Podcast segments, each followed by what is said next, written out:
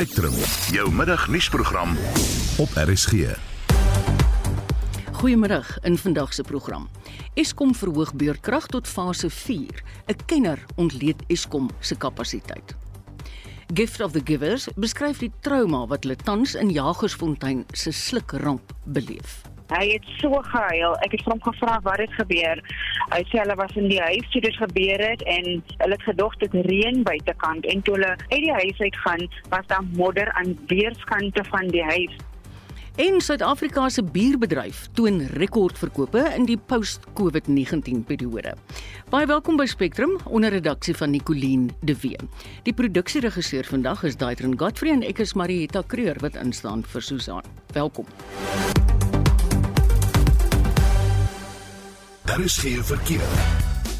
In Gauteng in Johannesburg staan daar 'n voertuig in die linkerbaan op die N1 Suid net voor Beyersnodee weg.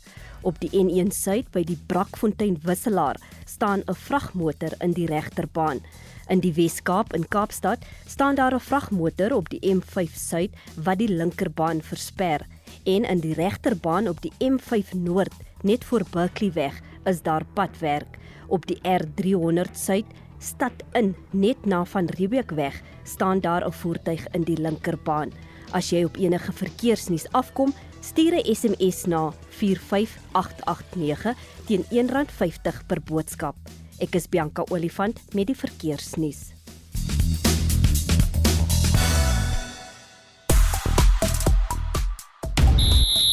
Mark Boucher bedank as Protea afrigter. Cricket Suid-Afrika bevestig 'n kortlys vir die SA20 veiling. Die Indiese T20 Wêreldbekerspan word bekend gemaak en Australië en Nieu-Seeland kondig hulle spanne vir donderdag se toets in die rugby kampioenskappe aan.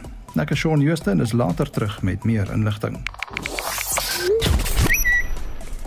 In sosiale media onder die hitsmerk Jagersfontein het politieke partye 'n beroep op die regering gedoen om teen die eienaars van die Jagersfontein myn in die Vrystaat op te tree.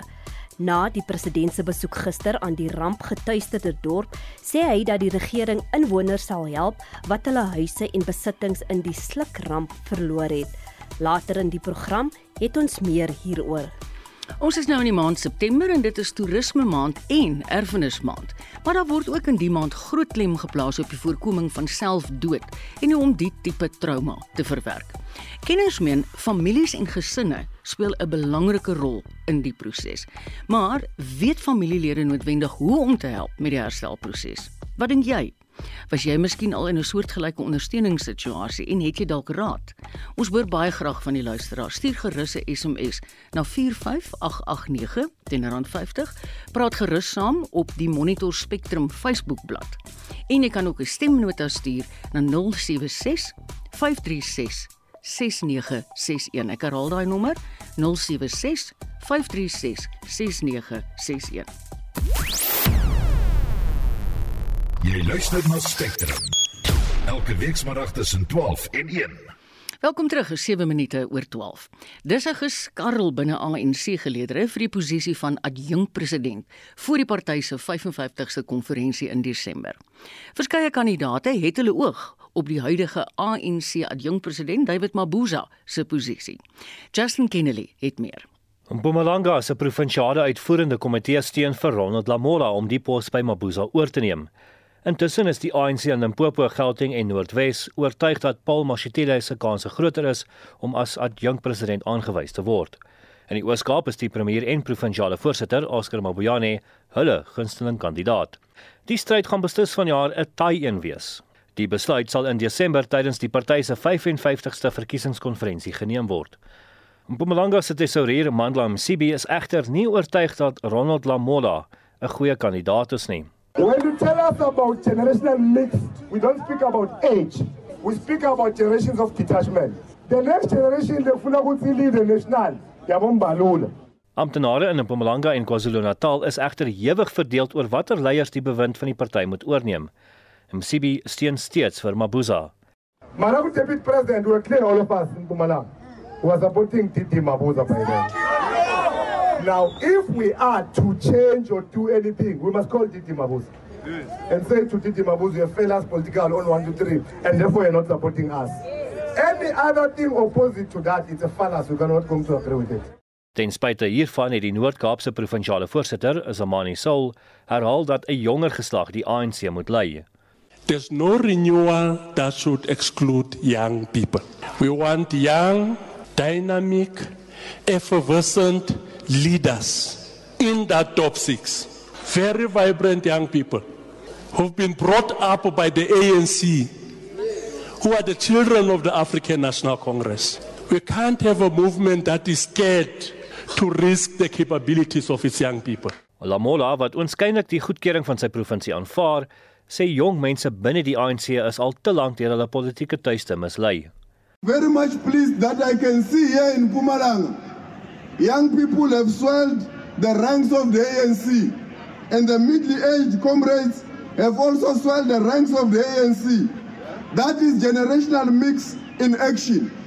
If you are told that you are skipping the queue, the organization is losing a good energy and a good resource because you can wait forever in that queue. So we must refuse to be told to wait, even by the opposition. President Ramaphosa word intussen deur verskeie provinsies ondersteun om sy posisie as ANC president te behou. Die NK-lid in Nkosazana Dlamini Zuma het blykbaar intussen haar naam ook in die hoed gegooi vir die posisie. Soleka Ondashe het hierdie verslag saamgestel. Ek is Justin Kennedy vir SI Garnis. Ja, ek wil beam wat Justin nou gesê het in sy verslag want uh, die minister van samewerkende regering en tradisionele sake, Nkosazana Dlamini Zuma, het juis tydens 'n geleentheid vir erfenismaand in Kaapstad gesê, sy sal haarself beskikbaar stel as ANC president indien sy benoem word. Die benoemingsproses vir leierskapsposisies in die ANC begin môre. Ons praat nou met Dr Pieter Mulder, 'n oud parlementslid, oor Dlamini Zuma se kanse. Goeiemôre Pieter. Goeiemôre Marita. Eerstens, wat dink jy is die kans dat sy benoem sal word? Daar is 'n moontlikheid dat sy benoem sal word, maar die takke kan benoem uiteindelik in 'n sekere mate en dan die provinsie daarmee saam, daar selfs die moontlikheid dat jy op die kongres self benoem kan word, maar dan met 25% van die afgevaardigdes jou steun. So dis 'n moontlikheid, maar dis nog 'n lang pad vandat hulle sê dat sy gaan wen of gaan president word. En ek dink dat hier gebeur is eintlik dat hier 'n uh, knippel in die hoenderhok gegooi word veral aan die Zuma kant, as ek sou kan noem, en ek sê die anti-Ramaphosa faksie want dis waar die dilemma vandaan kom. Hulle is nie 'n duidelike kandidaat teen Ramaphosa nie en dis die hmm. geskarrel daarmee saam. Hmm. Dus as ek kan aflei kom hierdie huidige gedagtes van Saterdag af. En Saterdag het oud-president Zuma 'n uh, klomp van die lede van die nasionale uitvoerende komitee wat dan nou pro hom is, dis mense so Tony Ngeni en Supram Pela, uh, maar sy het nou omtoegenooi as Makashule was die leier daarvan en daar het hulle nou gepraat oor dit en hy het opdrag gegee dit moet sy wees en eintlik wat die ding moet doen. Hulle het nie blyk met duidelik gereageer nie gesê hulle wag vir die takke, maar dis Zuma se poging om te regeer en onthou nou daar's 'n harde reël in die politiek wat ek kon glo, 'n oud leier moenie uit die graf probeer regeer nie. Ja. Dis gewoonlik tragedie trane wat dit gaan eindig eintlik. So dit is die eerste probleem. nou as jy sê van haar kanse, sy gaan beslis die vroue kaart probeer gebruik uiteindelik. Nou dit was die vorige rond aan haar kans toe uh, wat Lamili en die was in die vroue liga. Nou staan 'n bietjie onduidelikheid wie se weer in die vroue liga en sy gaan die KwaZulu-Natal kaart gebruik as hulle haar genomineer. Die KwaZulu-Natal kaart is eintlik 'n versteekte Zulu kaart, maar mens mag nou nie etisiteit praat hier, mm. polities onkorrek nie, maar dit speel 'n groot rol, maar daar is ook 'n probleem. Ek is nie seker dat die nuwe leier van Natal, Sibonisi Duma, haar gaan steun nie al sê die president, oud president so hy lyk my steun Mkhize. So die wat ek sê met die knippel hoek is die opponente van Ramaphosa hardloop rond en bevoeter mekaar eintlik teen al die verskillende kandidaate en dit maak haar kanse baie swakker ja. Pieter sou sy 'n ANC se president word. Kom ons sê hipoteties. Wat is die kans dat sy wel president van die land sal word? Wel, dit sê sal beslis dan eh, die vraag is ongelukkig 2024 en dis 'n hele ander debat.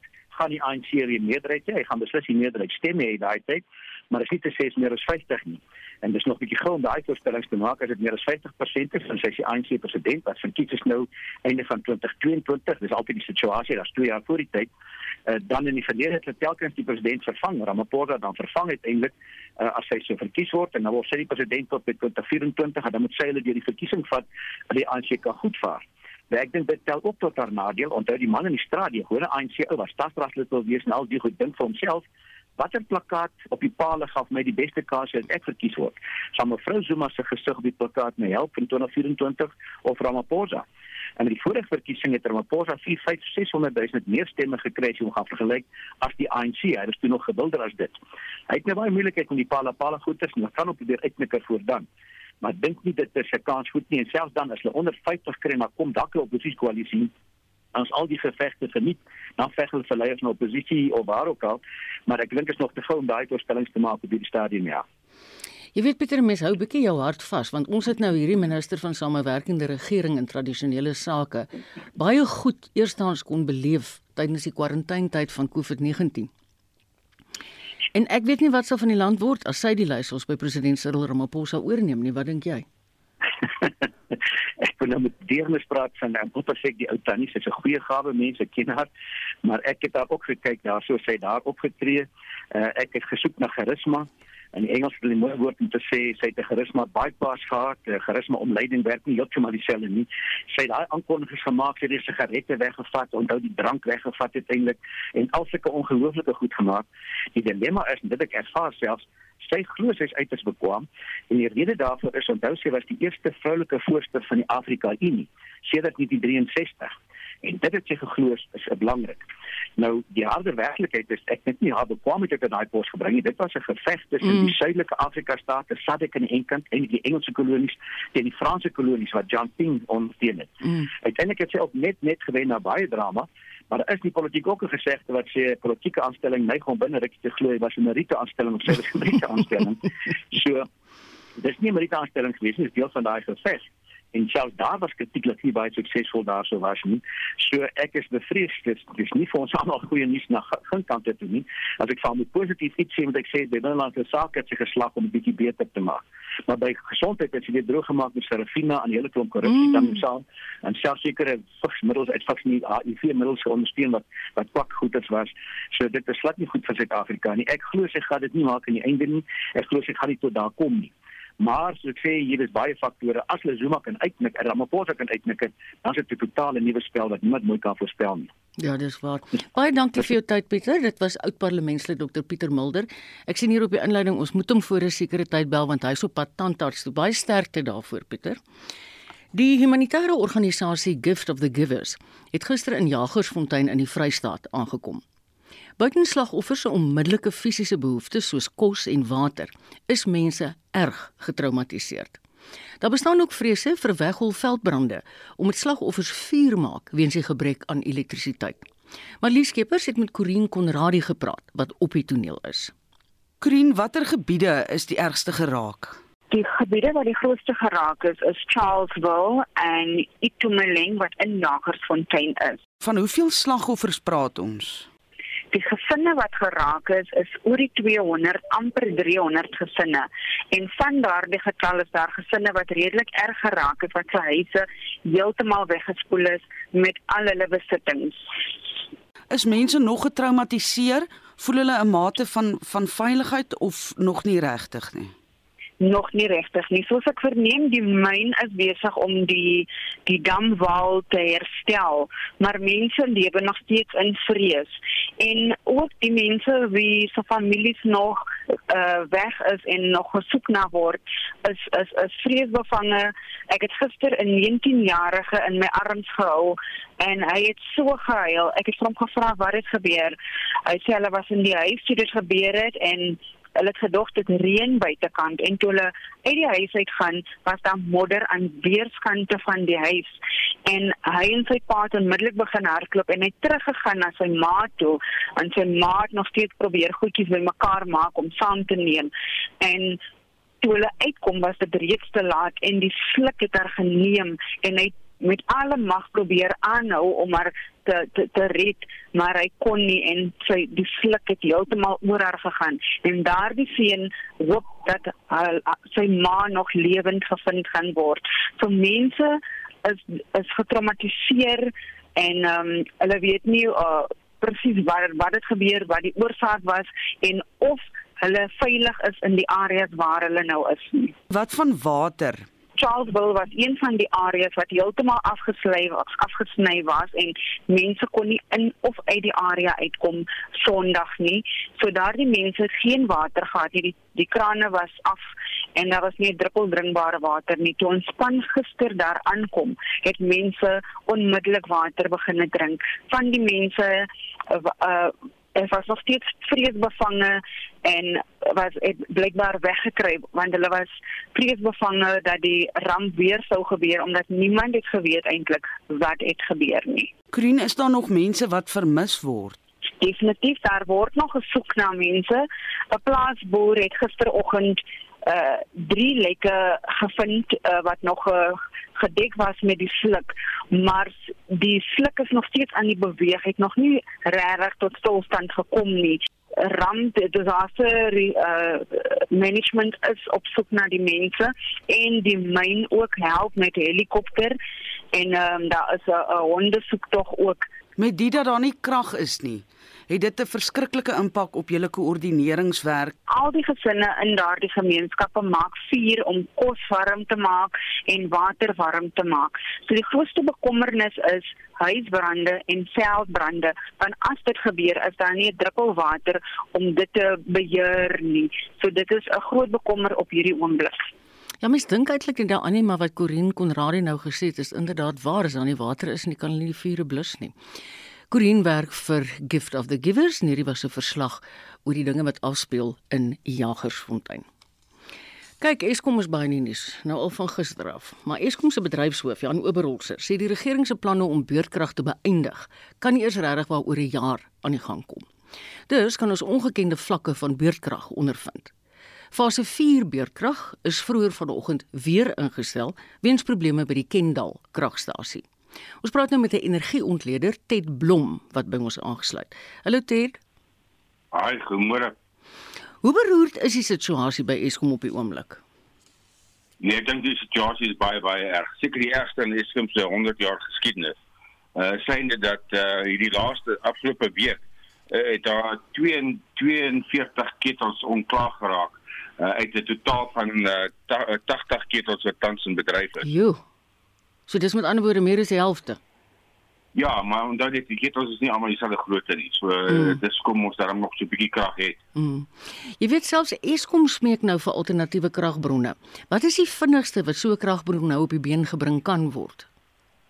Kyk, uh, ek het omtrent so 2 jaar gelede vir uh, met met meneer Oberholz so uh, ontmoet en aan hulle 'n uh, brief gerig waarom waarom ek in 'n vernoot van Amerika uh, aangebied het om nood uh, die kragopwekkingsvermoë in te bring in die land en omtrent so 6 gigawatt want dit is uh, om om en by wat benodig word om die situasie te stabiliseer. Mm. Nou daardie daardie noodkragopwekkingseenhede uh, kan uh, teen 'n tempo van omtrent 'n uh, gigawatt uh, elke 3 weke ingebring word. Dit word ingevlieg uh en uh, dan hierso uh weet uh, ter plaatse opgerig mm. en aan mekaar gesit. So dit vat omtrent 3 uh, weke om 1 gigawatt in te bring. En uh, so uh, binne 'n bespreek van 3 bane kan ons omtrent 6 gigawatt ingebring het. Maar op daai stadium het het ehm uh, Eskom se se se bestuurder wat uh, aangesê is om die saak verder te voer. Uh vir my net terug gesê uh watch this space. Nou ek watch this space nou al vir 3 jaar en niks gebeur. Hy het weer meslaan jou hande saam. Kyk, gister het Jan nou Oberholzer verwys na oor 'n jaar sal dit nou moontlik opgelos wees. Hoeveel krag sal die bronne kan lewer as hulle nou oor 'n jaar aan die gang kom? Ja, ek sien hier was nou 'n uh, uh, paar aankondigings gewees van omtrent so 2 gigawatt uh, krag wat uh, maar dis alles wisselkrag, dis alles hernubare krag en die, die probleem met hernubare krag sonder uh, opgaar uh, fasiliteite is dat dit nie uh, beskikbaar is wanneer jy dit die meeste nodig het nie. Mm. In ander woorde, uh, mm. voor 9:00 in die oggend en na 4:00 in die middag. Uh, is dit nie beskikbaar nie. So ja, dit help in die middel van die dag, maar in die middel van die dag is nie noodwendig gewoonlik waar we nou hierdie noodsituasie wat nou vandag ontaard het. Uh is in middel van die dag nie waar daar probleme ja. is. Die probleem lê by die piektye en daar's nie genoeg piektyd op uh opwekkingsvermoë nie. So uh, ja, dit dit klink as uh, baie lofwaardig dat uh, almal nou wil inspring en hernubare krag inbring En, en dis goed so dat die mense moet maar maak soos hulle lus het met hulle geld, maar die feit van die saak is dit gaan nie die land se probleme oplos of Eskom se probleme oplos deur net addisionele hernubare uh, opwekkingsvermoë in te bring nie. Ons kort basislading uh, opwekkingsvermoë sodat ons uh, deur die nag en en en en in, in spitstye uh, krag kan opwek. Jy weet dit my sinnetjie vir die dag is watch the space. Baie dankie dit was Ted Blom, hy's 'n energieontleder. 23 minute oor 12. 'n Buitengewone raadsvergadering van Johannesburg wat vir 10 uur vanoggend geskeduleer was, mag nie plaasvind nie en is oornag ongeldig en nietig verklaar. Die hofuitspraak beslis ook dat die Koup-raadslid Colleen Makubele nie die waarnemende spreker van die raad is nie.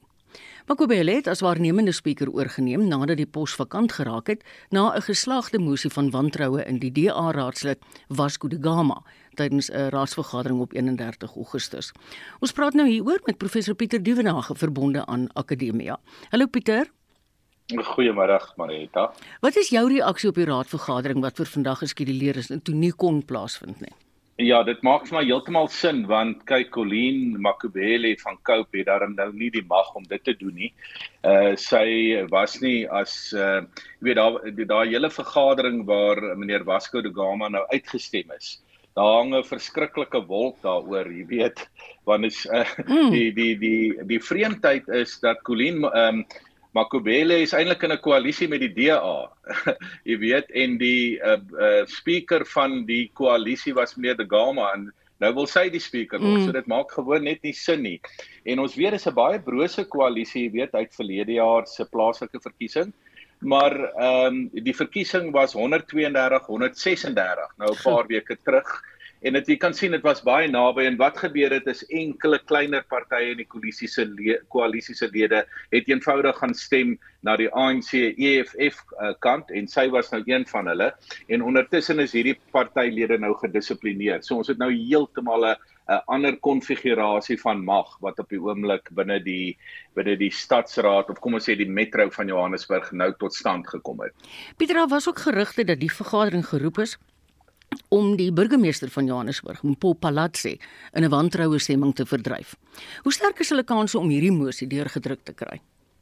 Heeltemal reg. Kyk, hulle het eintlik op haar gemik en toe het hulle nou eers vir die spreker gegaan, maar soos ek gesê het, die die verkiesing was bitter naby 132 136 en dit was eintlik 'n kleiner koalisie vernoot partye se mense wat eenvoudig op hulle eie gegaan het en saam met die ANC en die EFF gaan stem. Mense kan nou maar net dink watter wat het agter die skerms mm. gebeur, maar ek gaan ook nog nie te veel spekuleer nie, jy weet. Maar ja. kyk, ek, as jy my vra, is die is daar baie belange van die ANC en die EFF nog in die in die in die metro. Ou amptenare, jy weet wat deur hulle aangestel is, so hulle word deur hulle gesteun. So daar was werklik ware poging om van die huidige ehm um, jy weet eh uh, burgemeester Dr. Mpho Palatsi ontslae te raak deur die ANC en die ja. EFF. Ja. Maar dit was so naby rondom die speaker en nou gaan ons eintlik uh weer 'n vergadering hê, ehm um, jy weet 'n legitieme vergadering later in die maand. En as jy my vra, dink ek nie hulle sal slaag nie en sal Palatsi aanbly in die metro in Johannesburg maar ons het nou eh, jy weet soort van 'n maand en 'n half lank kaskanades as jy as jy ja, my vra. Ja. Baie dankie Pieter vir jou tyd. Dis professor Pieter Dievenage verbonde aan Akademia. Die subkomitee van die portefeulje komitee oor kommunikasie gaan van vandag tot Vrydag onderhoude voer met meer as 30 kortlyskandidate wat vir 'n plek op die SAIK se raad meeding. Die termyn van die huidige SAIK raad einde volgende maand, einde Oktober. Ons gesels nou met ons verslaggewer Zelin Merrington. Hallo Zelin. Goeiemôre Marita. Hoe werk hierdie proses?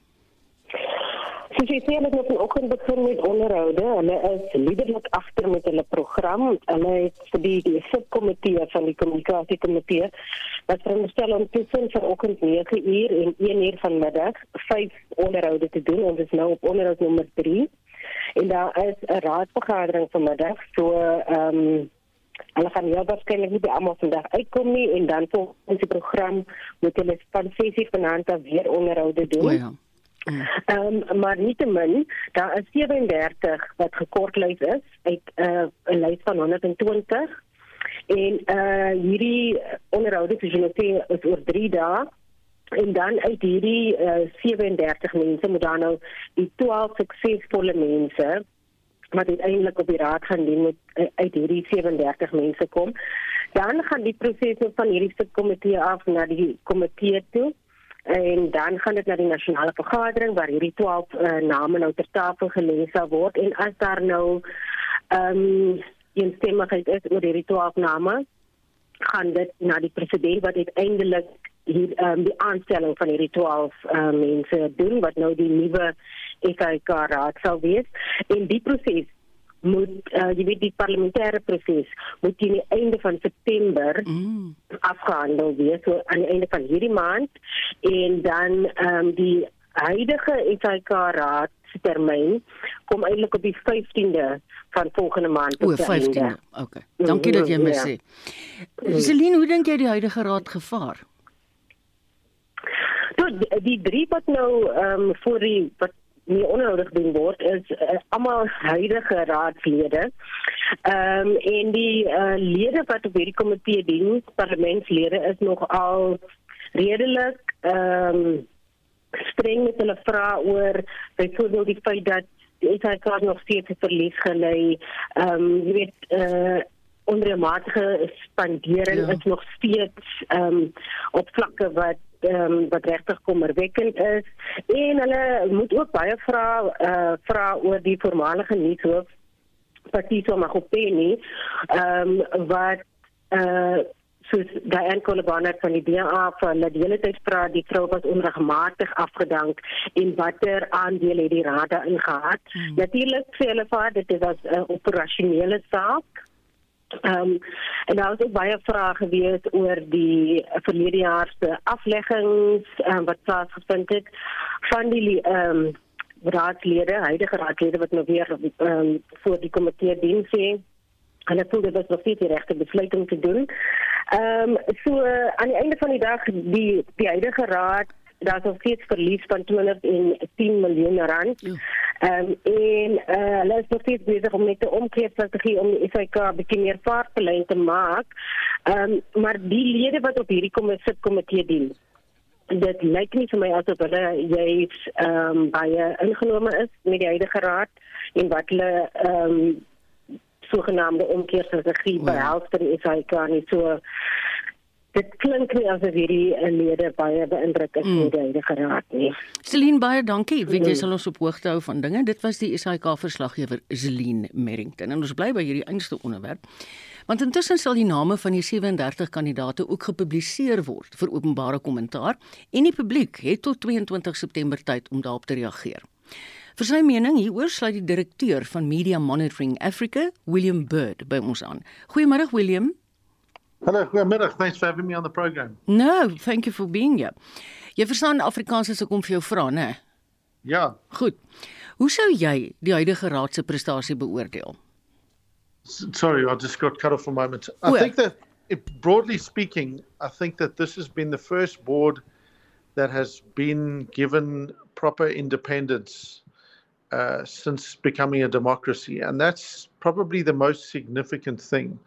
Uh, precisely because they were the first board where the the Matsujani judgment that emphasized the independence of the board really came into being, and because of that, they suddenly found themselves with newfound power and they flexed it. You know, we've seen over the last five years countless occasions where they've stood up against overt political interference, be it by political parties, by the minister, um, by other uh, uh, public officials. And to that extent, I think they've done extraordinarily well. They've also presided over a period where we've seen the SABC's credibility you know, significantly increase from you know, th- that really awful period. So I think. Um, in broad terms, you know, we've got a lot to be really uh, supportive of and very proud of in relation to this particular board that's uh, that, that is going to be uh, leaving it at the end of the month. Goed.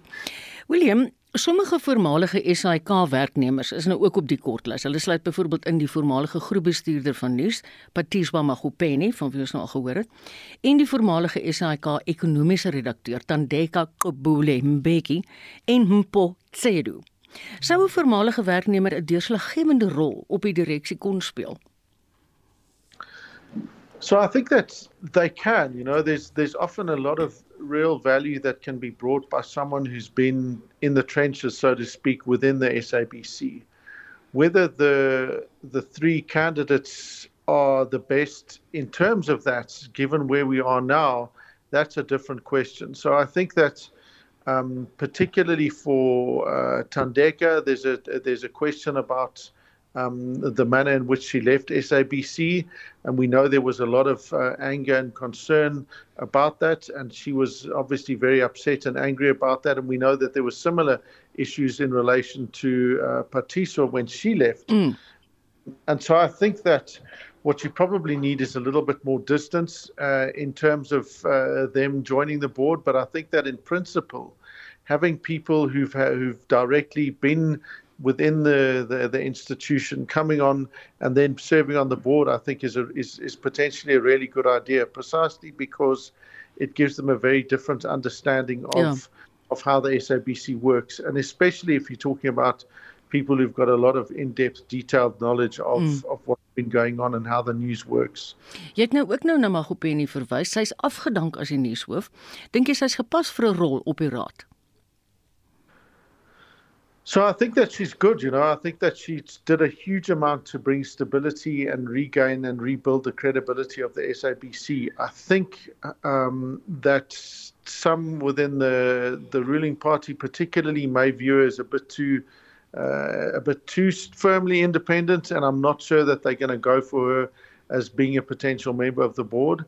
As I said, I think one of the the, the issues is that um, her departure was also fairly acrimonious. You know, we've yeah. seen a lot of, and I think for her to then be in the board and then come and be there with the, the, the new head who effectively took over may raise um, some potential questions, mm, you know. But again, mm. she's a professional, uh, and you'd hope that she would deal with that in, in, in that way. But uh, as I said, I think her biggest hurdle is going to be the fact that she uh, you know, she didn't just ruffle a number of feathers uh, within the, the, the ANC. She certainly, you know, blew them up with a with a with a with a, a, a rather large fan. Net so in 'n sin of twee kan ek jou vra, wat dink jy behoort die nuwe raad se hoof fokus te wees? I think that's a far easier one to answer. I think that's going to be sustainability and and and and looking at, at how they're moving into a digital future. You know, they, they, they their financials are still uh, largely a disaster.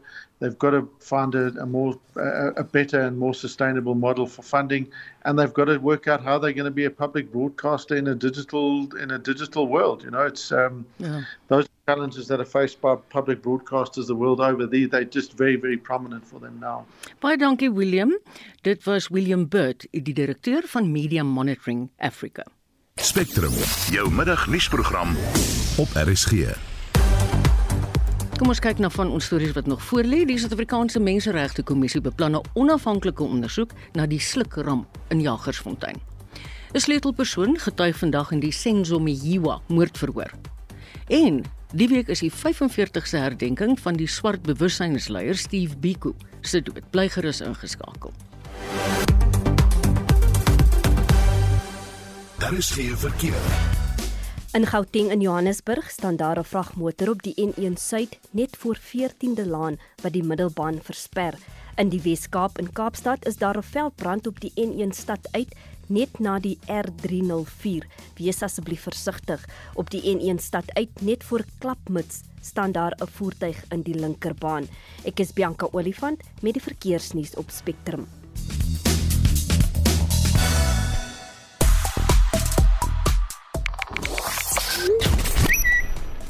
In sosiale media is die hitsmerk Stage 4, Eskom en Kendal Power Station baie gewild. Eskom het vandag fase 4 beurtkrag vanaf 10:00 voormiddag tot 5:00 donderdagoggend ingestel. Dit nadat drie opwekkingseenhede onverwags gelyktydig by die Kendal steenkoolkragstasie onklaar geraak het.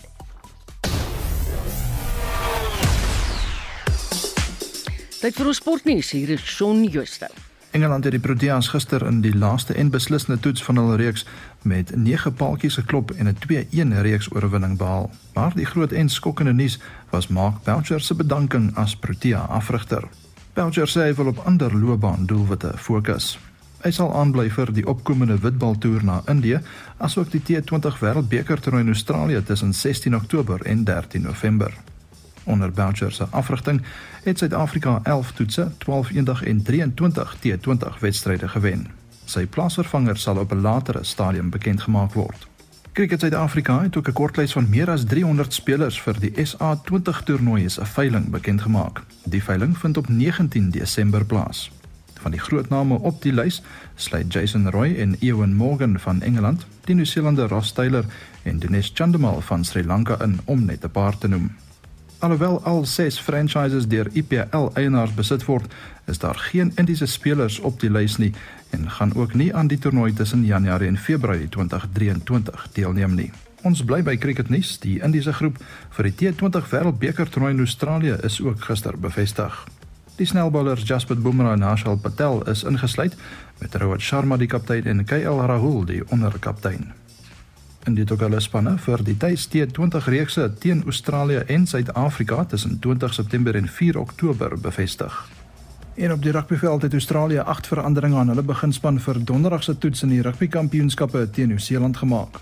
Dit is ook die eerste Bledisloe beker toets vir 2022. Die loskakel Benaan Foley is vir die eerste keer sedert 2019 terug in die beginspan.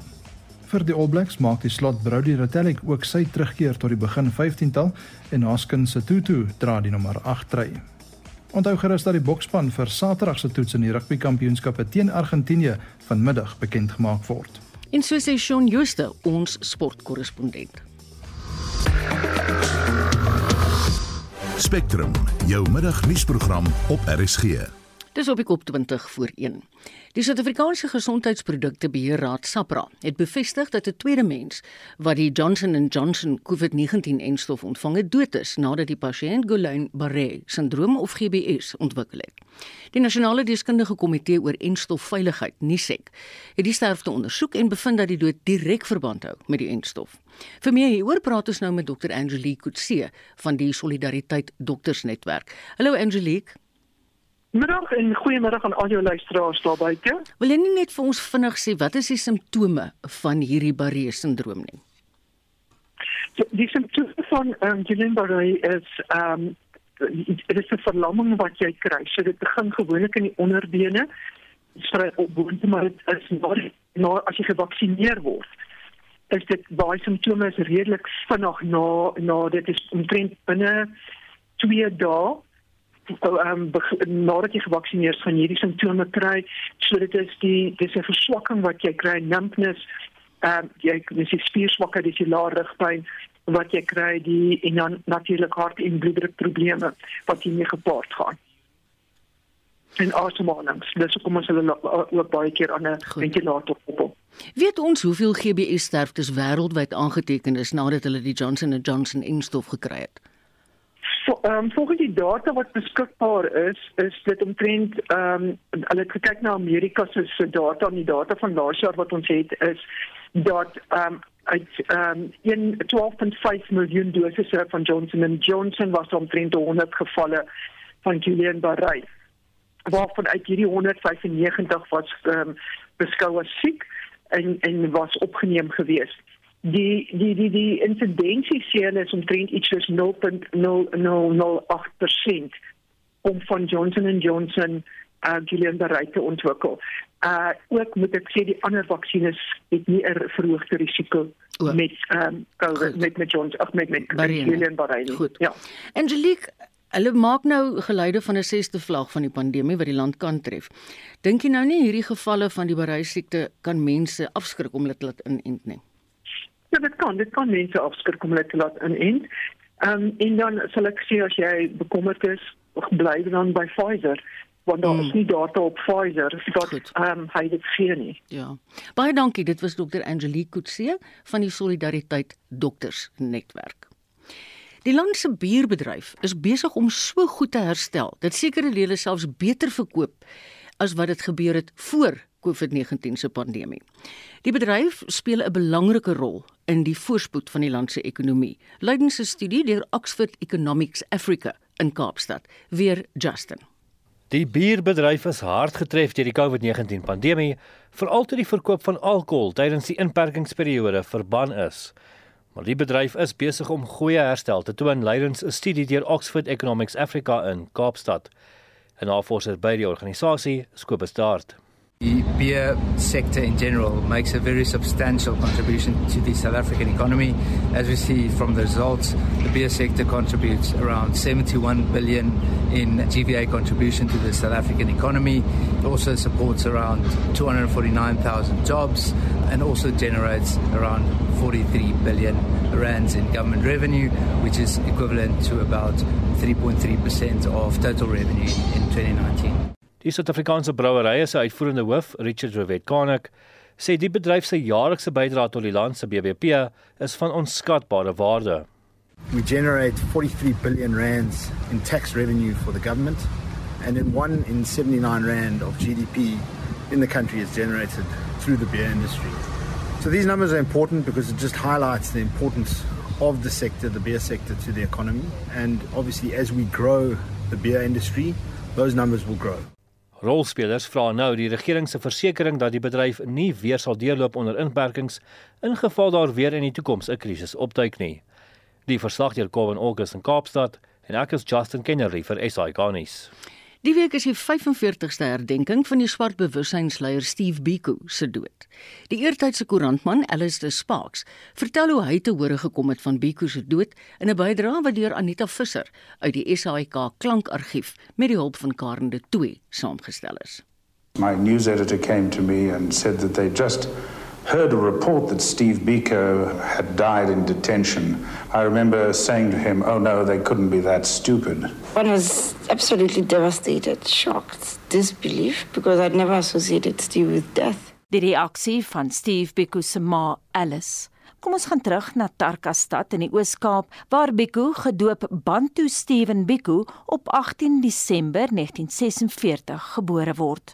Van Tarkastad na KZN waar hy as student aan die St Francis College by Mariannhill blootgestel word aan 'n liberale politieke kultuur. In Augustus 1971 woon hy 'n konferensie op Edendale by Pietermaritzburg by waar 'n resolusie aanvaar word om die Black People's Convention om die BPC te stig. The line that BBC adopts is to explore as much as possible non-violent means within the country and that is why we exist. Amerika se swart bewussynsbeweging beïnvloed Biko dat hy die vader van 'n soortgelyke groepering in Suid-Afrika word. In 1966 begin hy sy studies aan die Universiteit van Natal se Mediese Skool en word 'n stigterslid van die South African Students Organisation as teenvoeter vir die National Union of South African Students of NUSAS waar baie wit liberale Suid-Afrikaners 'n tuiste vind. Steve Biko het ander prioriteite. For black people to be able to work out a program, they need to defeat the one main element in politics which was working against them, and this was the psychological feeling of inferiority. Sy politieke profiel gaan nie ongesiens verby by die veiligheidspolisie nie en in Maart 1973 word hy vir die eerste keer ingeperk tot sy ma se huisie in die township Ginsburg. Die vryheid om sy mediese studies in KZN voort te sit is taboe. Een middag in Augustus 1977 verdwyn Biko wat sy ma Alice se angs verder verdiep. That was the last day I saw Steve. En na besoek deur die veiligheidspolisie weet Biko se ma hier kom groot moeilikheid. I went into my room and pray. Oh Lord, what had happened to my child? Antwoorde wat minister Jimmy Creer kon verskaf. Hy is in hegtenis geneem by 'n padblokkade in Gramstad op 18 Augustus waar hy 'n kleerling man in 'n motorkar was onderweg na King Williamstown buitekant sy inperkingsarea. Hy is in hegtenis geneem weens die bedrywighede wat verband gehou het met onluste in Port Elizabeth. Onder meer was dit die opstelling en verspreiding van pamflette wat geweld en brandstigting aangehits het. Op 6 September word Biko van Port Elizabeth se Walmer polisiestasie geneem na kamer 619 van die polisie se hoofkantoor in die middestad. Nakend en vasgeketting word hy vir 22 uur lank ondervra. Later erken Jimmy Creer dat die staat gelieg het oor Biko se kwansyse eetstaking. Op 11 September 1977 word Steve Biko vervoer na Pretoria waar hy 'n dag later alleen in sy sel sterf weens breinbeserings. They know what they've done to Steve. And God doesn't sleep. Steve Biko word die 21ste persoon wat binne net 12 maande in polisieaanhouding sterf. Meer as 20000 mense woon sy begrafnis by King Williamstown se Victoria Stadion by, onder andere 13 geakkrediteerde diplomate. Sy dood maak internasionaal opslaa en in 1980 stel die Britse rockster Peter Gabriel die lied Biko vry. This song was written for a very brave man.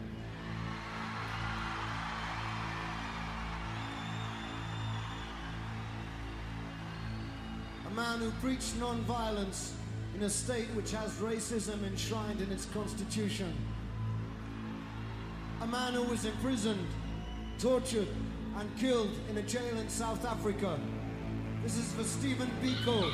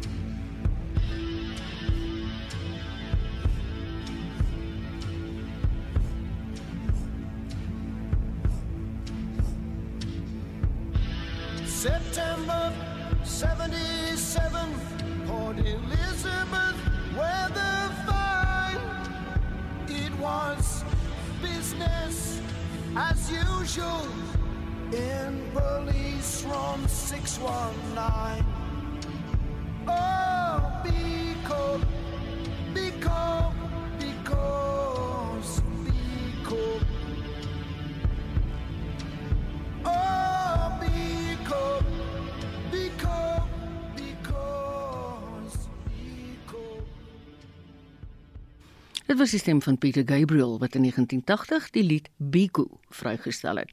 Anita en Karen de Tooy van ons argief hier by die SAIK het hierdie bydrae saamgestel.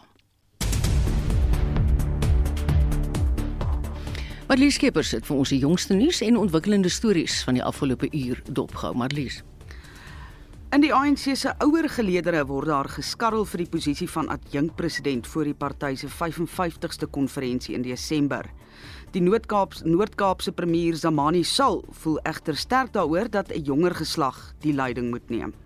There's no renewal that should exclude young people. We want young, dynamic, effervescent leaders. Die Noord-Kaapse premier Zamani Zau. Gift of the Givers het gister met noodvoorraad in Jagersfontein opgedaag. Corneil Conradie sê daar word steeds na mense gesoek. Hierdie het maar nou Sondag gebeur. So getalle styg nog. Mense kom vorentoe en sê maar hierdie familielid, ek kry die persoon nêrens nie in die hotel nêrens nie. So die getalle is nog aan die styg. Ons het met Ted Blom gesels oor Eskom se benarde kragsituasie. Fase 4 beurtkrag is ingestel nadat 42 ketels uit 80 ketels onklaar geraak het.